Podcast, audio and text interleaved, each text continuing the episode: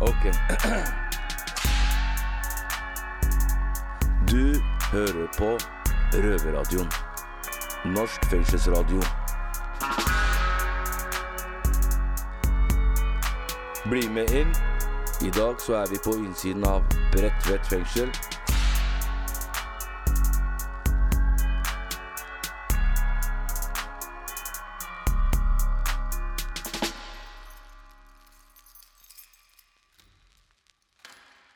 Hallo og velkommen til Røverradioen. Jeg heter Nina, og med meg har jeg Hege.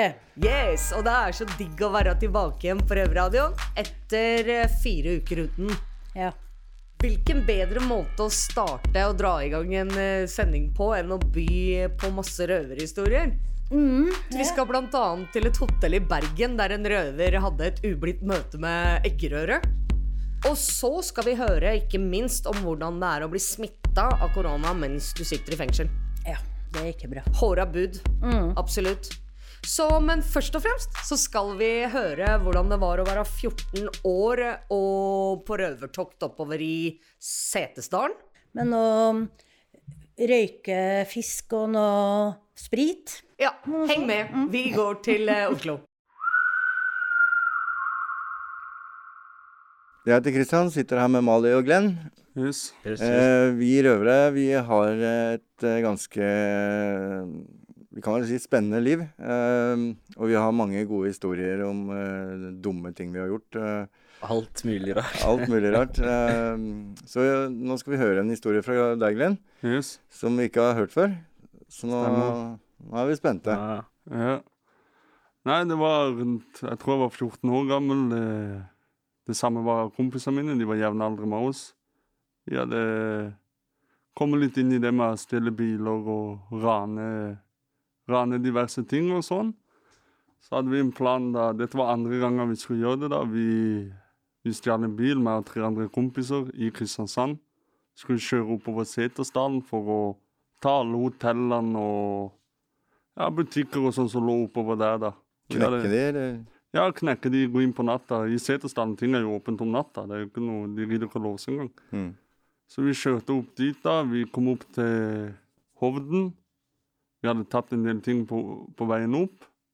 Men når vi skulle på vei ned, så plutselig bilen streika. Bilen var ferdig. Full av stæsj. Full masse greier i den bilen der. Ja. Og så stoppa vi et sted rundt i nærheten av et sted som heter Valle eller noe sånt. Så sier jeg til kompisene mine da, hei, vi må bare finne en ny bil. Hive tingene over i den nye bilen, og så kjører vi ned. Det er ikke noe problem. Vi gikk to og to sammen. Så kommer jeg i Jeg går inn på et hotell i kjelleren der, og det er et sånn spritkjeller. Det er så mye sprit jeg aldri har sett før. Mm. Jeg sier til han dette må vi jo ha med oss. Dette, dette, dette kan vi tjene penger på. Mm. Og så det som skjer, da, at plutselig det er noen som lukker den ytterdøra. Lukkeren. Ja, liksom låser oss inne, da. Ja. Så jeg begynner å skrike til de her, lås oss ut og sånn, og de bare, vi skal ringe politi og alt sånn. Så han kompisen min vil se på hverandre, hva skal vi gjøre? Så jeg har en idé. Jeg begynte å knuse spritflasker. Jeg sa hvis ikke det slipper oss ut, jeg knuser hver flaske her inne, sa jeg. Mm.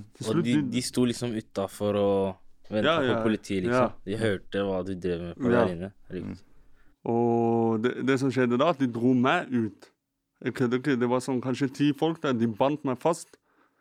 Sånn som en kalkun med tau. De bandt meg fast. Jeg kødder ikke. Men så kom jeg jo på det, jeg har jo to andre kompiser i nærheten her. De må jo høre noe. riktig. Så kom de to andre da og begynte å hive steiner på de folkene her. Så de fikk meg løs. Vi fikk ut den andre. Men vi ble jo jagd. De kom med firhjuling overalt. altså. Så det som skjedde, vi løp opp i en sånn Det så ut som ei hytte. Men det var tydeligvis et sted de røyka fisk eller noe sånt. Det var jo dritstygt der inne. Det, det var midt ute på et åpent jorde, så vi låste oss inn der. Hva skal vi gjøre og sånn? Han ene kompisen min, han er dum, han sier Nei, vi bare blir her. Vi blir her. De har sett vi gikk inn her. Nei, nei, vi blir her og sånn. Og så kom jo politiet til slutt, da han prøvde å holde døra. Liksom holde igjen døra. Han greier jo ikke det 14 år gammel gutt mot 4-5 politi. Det er mulig, det. Nei, nei, så vi Ja, det ble mye avisgreier om det der. Også. Stinka fisk som faen. Ja. Nei, vi var helt svarte alle sammen når vi kom ut. Det var jo sånn der sot på overalt. Så det, det var jo ganske morsomt. Hva skjedde etter politiet kom og barnevernet og sånn? Ja, ja, vi alle var jo i barnevernet fra før, så vi ble sendt tilbake. Ok. Så dere var liksom Dere hadde rømt fra Ja. hvor enn Ja. dere bodde, da? Ja. Mm. Riktig. Det er nesten så du skulle egentlig bare sette i gang og drikke da, mens dere venta. ja, men det, da, da hadde vi ikke kommet oss ut, vet du. Nei. Så måtte vi bare finne oss vi kom oss ut herfra. Ja, Ja, det er crazy greier. ja.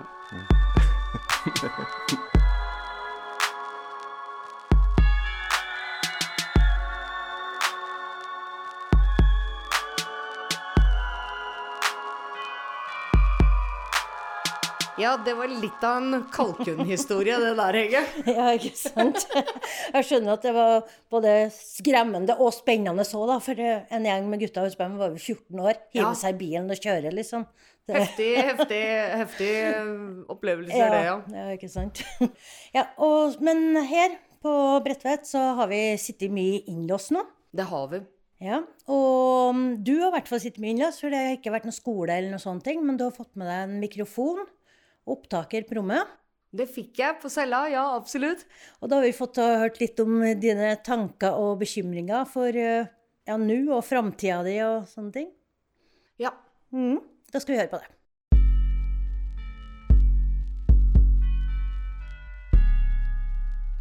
Hei sann, det er Nina fra Bredtvet her, og i dag så eh, får dere lov til å være med inn på cella mi, derfor at eh, nå er det fjerde uka uten røverradio i kjelleren, og pandemien har gjort at man må være mye mer på avdelingen og på rommet.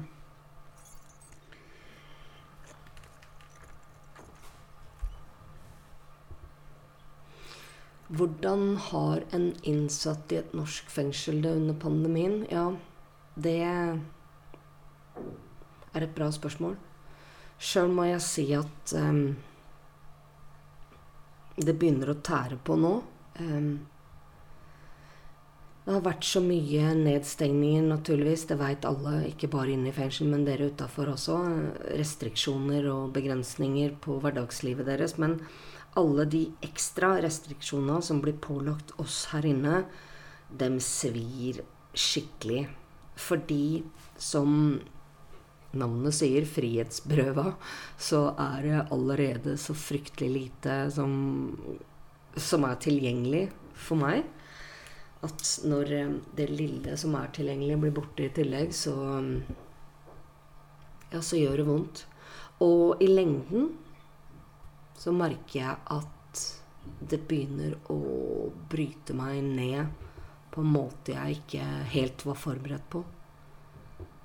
Eh, Jeg prøver alltid å være positiv, og jeg eh, prøver å se framover og sikte langt fram og glede meg over at jeg snart er ved veis ende etter denne veldig lange tida som fange.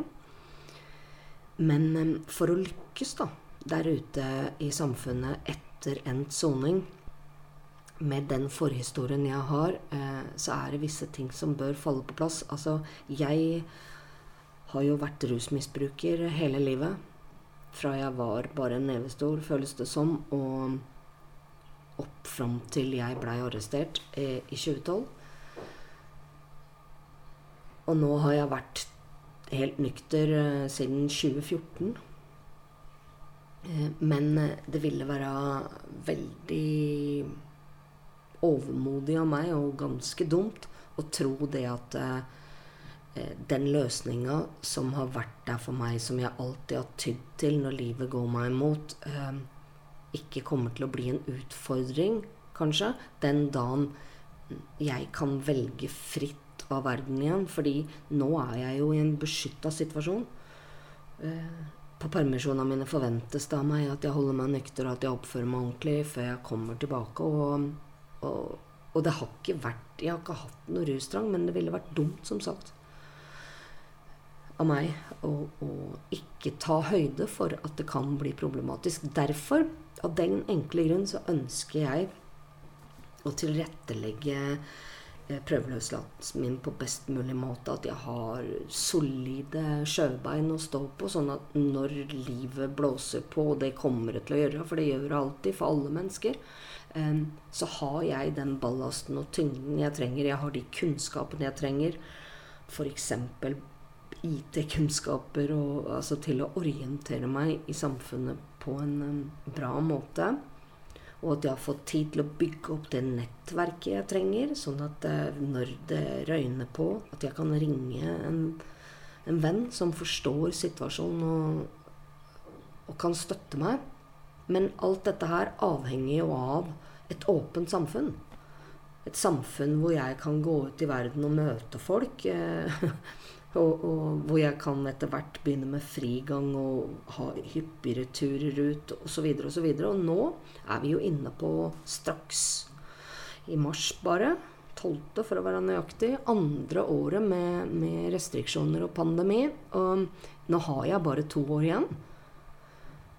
Eh, så nå begynner jeg å få litt angst, gjør jeg. Kjenner jeg at um, At uh, jeg er redd for at hele utslussinga mi bare skal renne bort i korona. Og at jeg plutselig en dag etter tolv år i fengsel bare står der med, med meg sjøl og, og, og, skal klare meg. Det skremmer vannet av meg. For jeg trenger jo her inne betjente på jobb som kan hjelpe meg å undersøke hvilke muligheter jeg har nå er jo nesten aldri betjenter her. De er sjuke, og de er overarbeida, og de er strekt i alle retninger. Så til den milde grad at de knapt får gjort annet enn å låse oss ut og inn. Det er tider de ikke engang får gjort det. Og det påvirker jo da hele hele soninga, og ikke minst eh, det som opptar meg for tida, hele utslussinga.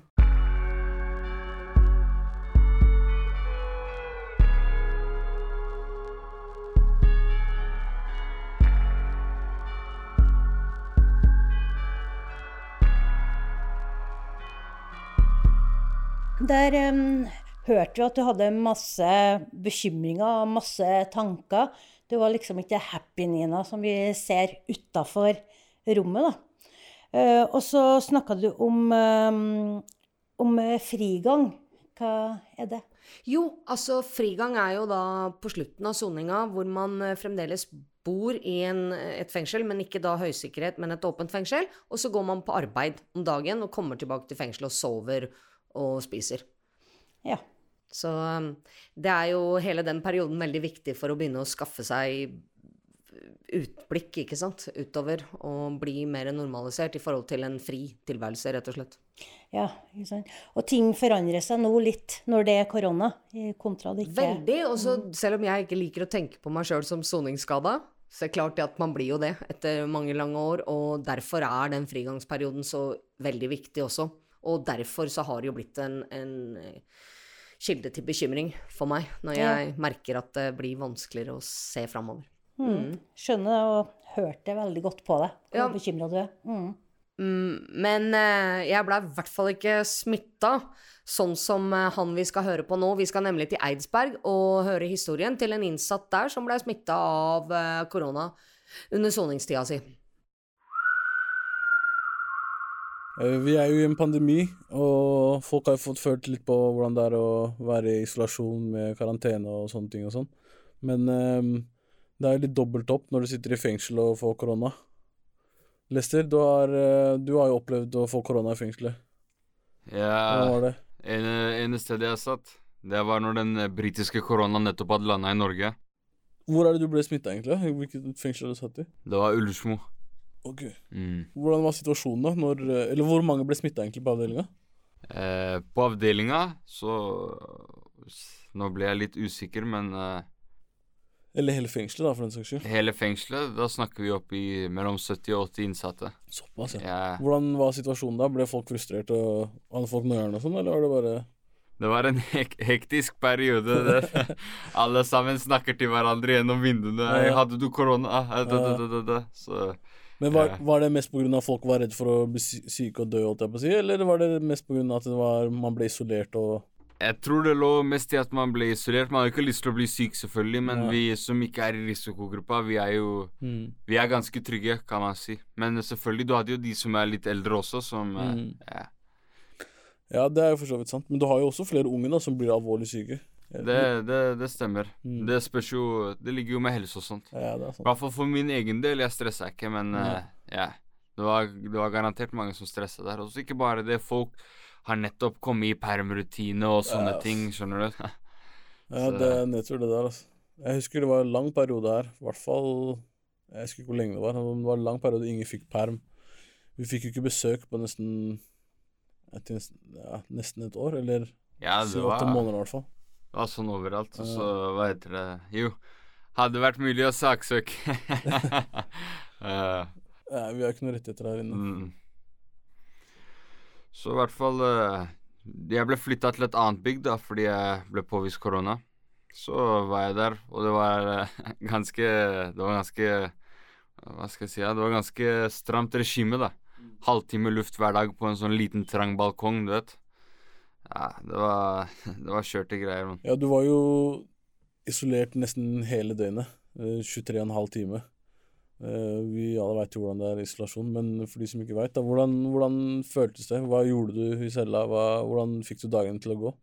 Vanligvis hvis man havner i paragraf, man tar pushups, litt sånne ting, holder seg aktiv du for å få sove, men i den uh, tilstanden jeg var i, jeg kunne ikke drive og trene. Lungene mine var skjørt, skjønner Ja. du. Så eh, Nei, det ble egentlig serie, TV, og så et, La oss si etter ti dager så har du nesten gått i sånn dvale som en bjørn, da, du vet. Ja. Du er trøtt 24 timer i døgnet, hodet ditt er ikke helt på plass. Ja. Du glemmer ting litt kjappere og sånt. Du, du skjønner sikkert hva jeg snakker om. Mm. Pluss i tillegg så har du ikke luktesans. Pusten din er dårligere, du vet.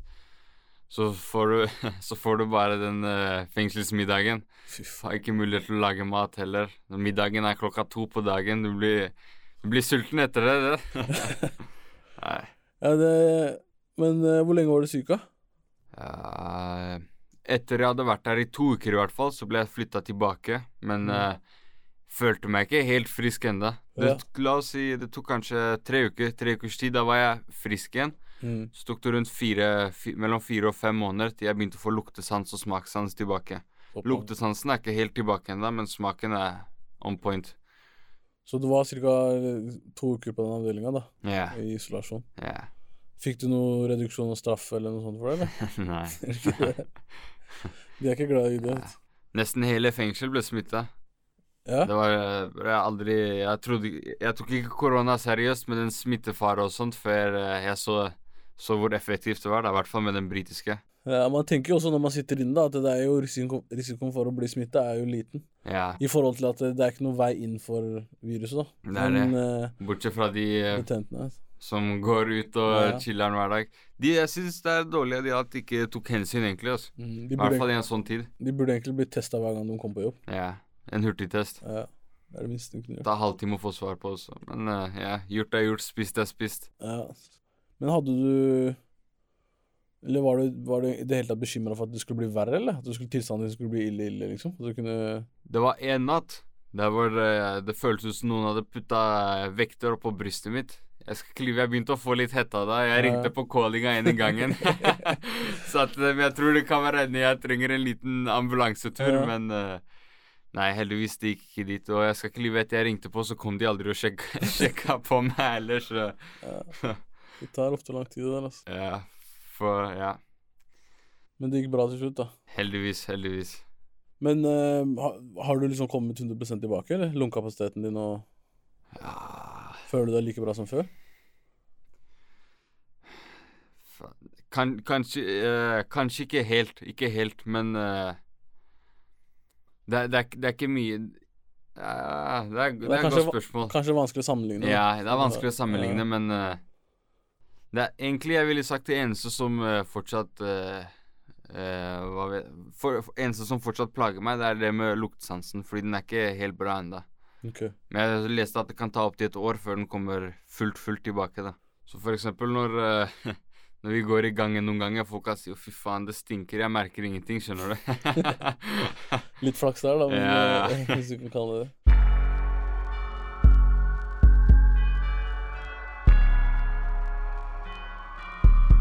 Jeg må jo si at eh, jeg kjenner meg med ham, og er veldig glad for at eh, vi i hvert fall har unngått å bli smitta her inne. Og det må jo være fryktelig angstfylt, for å si det mildt. Eh, ja, ligge på rommet ditt og kjenne på det at du ikke klarer å puste, nesten. Også det også Dere med den klokka, ikke sant. Ja. Det skal ganske mye til for at du ringer på den klokka. Absolutt. Terskelen ligger skyhøy der. Ja. Og så når de ikke kommer da engang, Wow. det er ille, altså.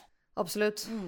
Men eh, nå skal vi over til en røver eh, fra Bergen fengsel som har hatt problemer med eggerøre og med hotellpersonale og med politi i et hotell i særklasse. Torgeir og Miguel. Dette her eh, er, er den eldste saken som jeg sitter og soner for nå. Og det er altså eh, mai 2015. Eh, jeg var inne i en eh, høyaktivitetsperiode, hva mitt eh, kriminelle liv angår. Det var 24-7, og jeg var påtent hele veien. Altså, det er en beinhard jobb Ja. å, å selge knark. Og det krever mye av deg. Altså, disse Du er alltid på jobb. du er alltid på jobb. Alltid. Og det, du får deg en, en liten blund her og da. Men eh, det er 24-7. Det er ikke alltid du får det heller, vel? Nei, det er ikke alltid du får det Nei. heller. Det er, men det, altså, Folk sier at det er lette penger, men det, er lette penger my ass. Det er ikke enkelt i det hele tatt. Uh, uansett, jeg uh, hadde meg et uh, fire ukers langt eh, Jeg bodde på eh, Da i hele april eh, 2015 bodde jeg på Scandic eh, eh, borte i Håkonsgaten. Du var jo og besøkte meg der. Jeg var og besøkte deg. Du var og besøkte meg. Og der, eh, som sagt, jeg fikk en god deal.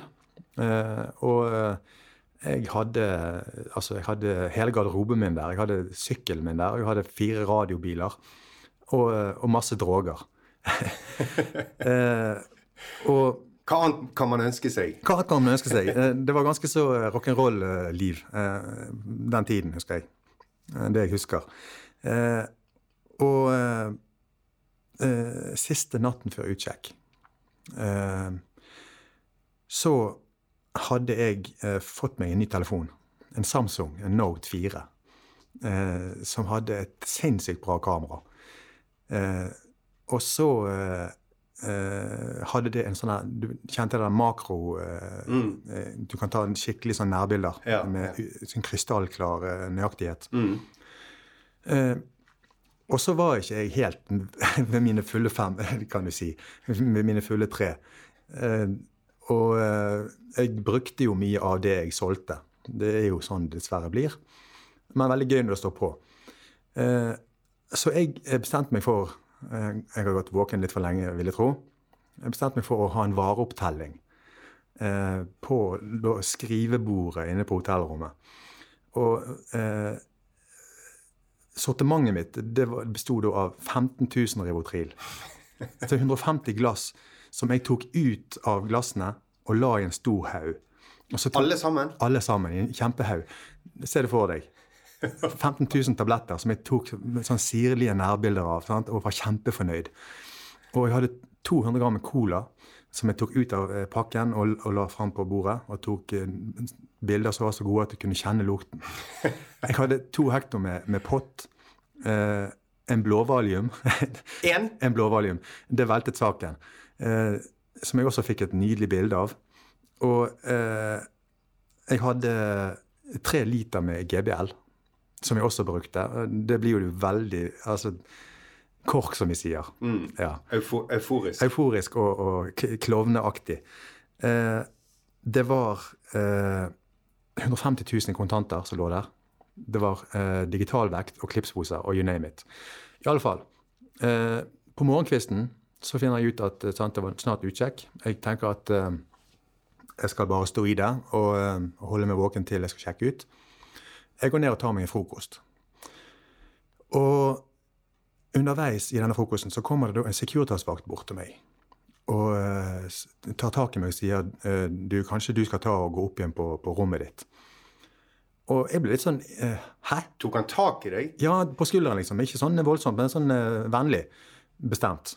Eh, jeg ble sånn indignert og liksom Hva for noe? Hvordan er det de eh, snakker til, til meg? eh, Jeg er en gjest på hotellet. jeg er en gjest på hotellet, må de vite. Og så sier han eh, 'se deg sjøl i speilet'. Og så er det et speil rett ved siden av meg der jeg sitter. Og det er, det er full eh, buffé. Altså det er full restaurant med, med voksne og barn. Eh, og jeg ser meg selv, og der sitter, jeg har altså da eggerøre i hele trynet. For jeg, jeg har sovnet i maten min. Jeg har eggerøre og røykelaks i skjegget. Og da har du da eh, eh, en svært ydmyk utgave av Torgeir. Som bukkene og neiene rygger ut av, av, restaur av restauranten og går opp igjen på rommet. Eh, OK, so far so good, sant? Eh, og jeg eh, Vasket du vekk egget? Ja, hva tror du?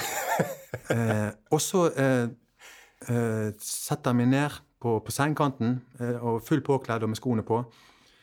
Og så, vet du hva, eh, så sovner jeg. Eh, med klærne på, med beina på gulvet og meg sjøl på madrassen. Og alt ligger fremdeles på, på skrivebordet. sant? Og syv timer seinere våkner jeg av en skinnhanske i ansiktet. Jeg åpner øynene. Jeg ser rett opp på en politidame som har nettopp slått meg i, i, over, over trynet med en hanske for å vekke meg. Jeg reiser meg halvveis opp i sengen, ser rundt meg, og der er det fullt i snut. Det, eh, det er rensket. Alle tingene mine er ryddet. Det er ingenting på skrivebordet. Og jeg husker jeg bare sa Å nei! og så ler de, da. Sant? Det her må jo være, det må jo være supermorsomt for en politimann og fem å komme inn og, og altså, crack open this case. Det, det, vær, så, vær så god. Ja. Ja. Tatt med buksen nede. Ja, for du har da rydde Hun chileneren som vasket rommet, hun eh, Så du glemte å henge på denne på håndtaket utenfor? Ja, men det var utkjekk. sant? Jeg Ja, skrev ut fra rommet. Så, så der hadde de kommet inn, og der lå jeg og sov. Og eh, det var kroken på døren for den gangen. Ja. Ja. Apropos eh, dum kriminell. Men uansett, morsomt å se tilbake på nå. Veldig vittig. Ja. Ja. Veldig vittig. Og nå gjør det opp for deg. Jepp. I yep. do. Ja, Hege, det der var litt av en historie. Jeg kjenner meg jo igjen i å være relativt fjern etter å ha vært eh, våken en stund. Eh, ja, jeg kan si det at jeg, jeg kjenner meg igjen i den dumheten og vil på en måte nesten dokumentere det òg, da. Ikke sant? Jeg har- har Altså, jeg kan forstå det at du har masse foran deg og vil liksom huske på det Okay. det, da. Ja, ja. ikke sant? Jeg husker jeg hadde skuffe full av penger, liksom. Jeg tok jo bilder av det. Hvor dumt det, dumt det er, det er jo kjempedumt. Men eh, det er jo gjerne noe du vil dokumentere. Det dummeste er kanskje å sovne når du skal sjekke ut, um, også i, med huet i eggerøra. Men det er uansett en fantastisk eh, røverhistorie, det der, så, tross alt, da. Ja, det er ja. Hvor dumt det er, så kan jeg på en måte forstå den uansett. Absolutt. Man blir jo ikke smart av å være våken lenge, men sjøl har jeg aldri hatt behov for å ta bilde av, av eh, forbrytelsene mine, på en måte. Aldri vært min greie, men, eh, men eh, vi er jo forskjellige. Vi er forskjellige. Absolutt. Enig det er dumt, men Veldig gøy Men morsomt. Ja, ja, ok. Hver sin smak, du vet. Men eh, nå er denne sendinga over for denne gangen. Men Røverradioen den er tilbake neste søndag klokka 20.30 på NRK P2. Eller Eller på podkast når og hvor du vil. Ja, absolutt. Hvis du ikke sitter inne, da, som oss, naturligvis. Ja, da var det. Ok. Hva skal du gjøre på cella etterpå, da? Eh, vet du, jeg, jeg, jeg vet ikke. Jeg har ikke noen plan. Jeg tror jeg skal ta meg en backen med deg, i hvert fall. Høres hyggelig ut. Du vil ha revansj igjen, ja? Revansj Gir aldri opp, altså. Det er bra. Liker pågangsmoter. Knuse deg hver dag. Ja. Oh, in your dreams. Ok, ha det bra, folkens. Ha det. Denne sendingen av Røverradioen er sikkerhetsgodkjent av Oslo fengsel, Bredtvet fengsel, Bergen fengsel og Eidsberg fengsel. Musikken er laga av Trond Kallevåg Hansen. Røverradioen er en veldedig organisasjon som er avhengig av din støtte. Følg oss på Instagram, Facebook, Twitter eller gå til røverhuset.no og finn ut hvordan du kan støtte Røverradioen.